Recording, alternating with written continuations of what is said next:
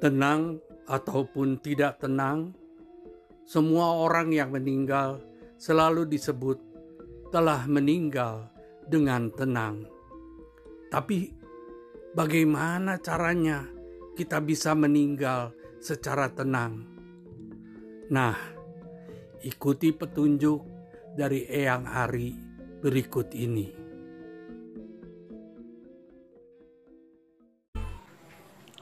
Pada kesempatan ini saya akan menyampaikan tentang memahami kematian dan membantu seseorang jelang ajal.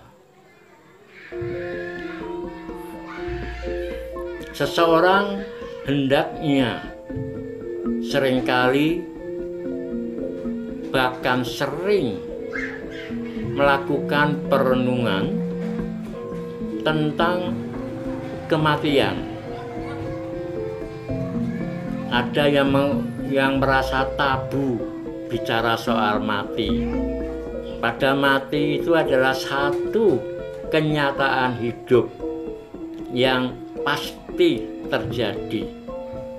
Sehingga seseorang lebih baik tidak takut tetapi memahami kematian sehingga bisa menghadapi kematian itu dengan bijaksana. Karena itu hendaknya merenungkan tentang kematian. Bahwa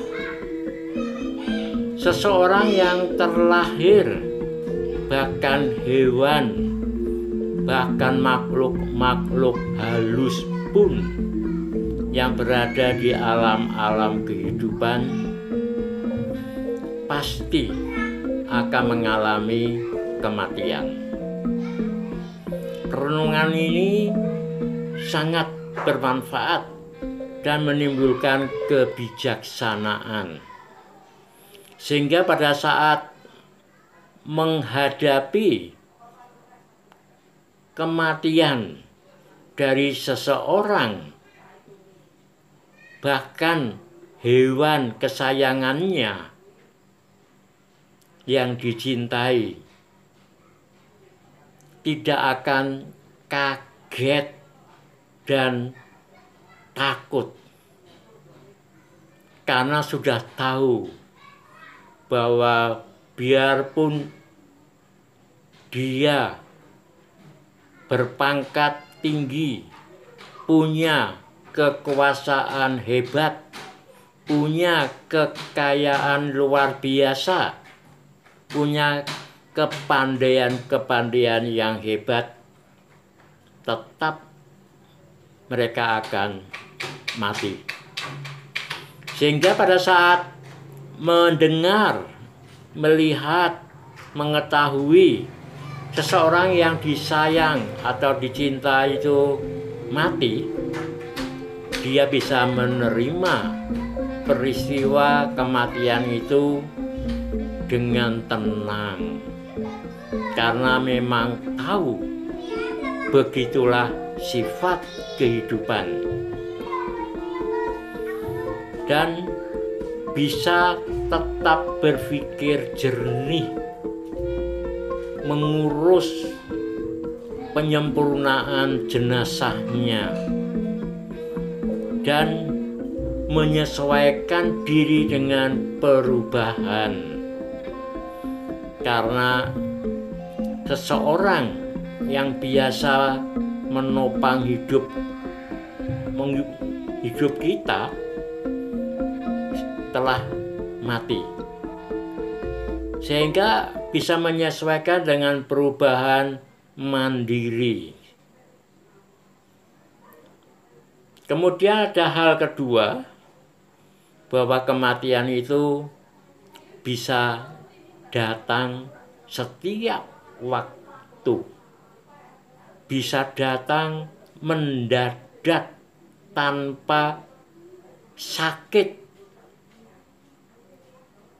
Tiba-tiba di usia muda pun bisa datang. Bahkan bayi dalam kandungan pun bisa mengalami kematian.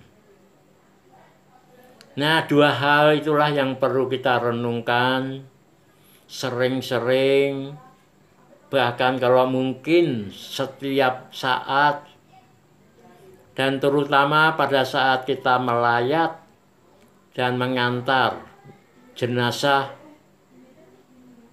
dari rumah duka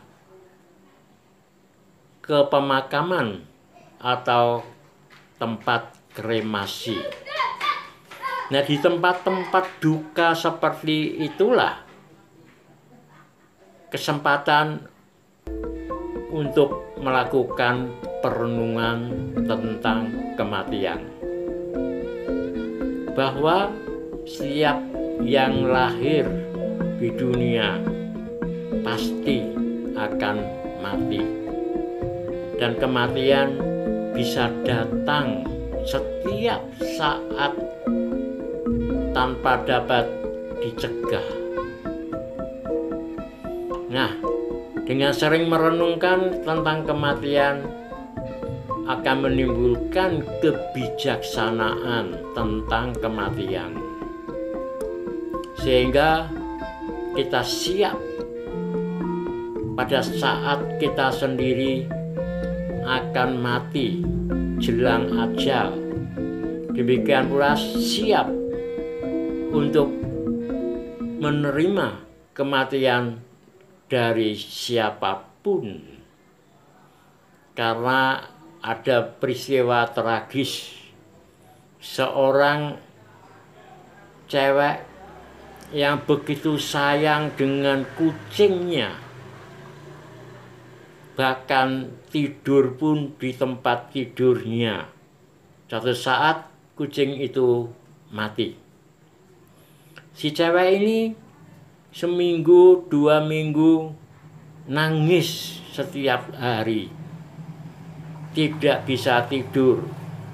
Makan pun tidak suka nah ini disebabkan karena tidak memahami tentang kematian.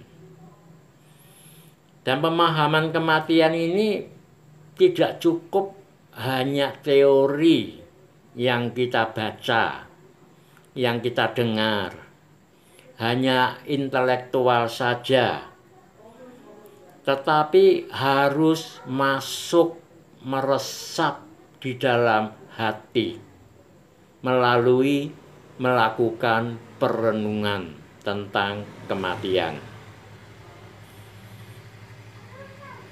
Sehingga pada saat jelang kematian kita pun kita sudah siap.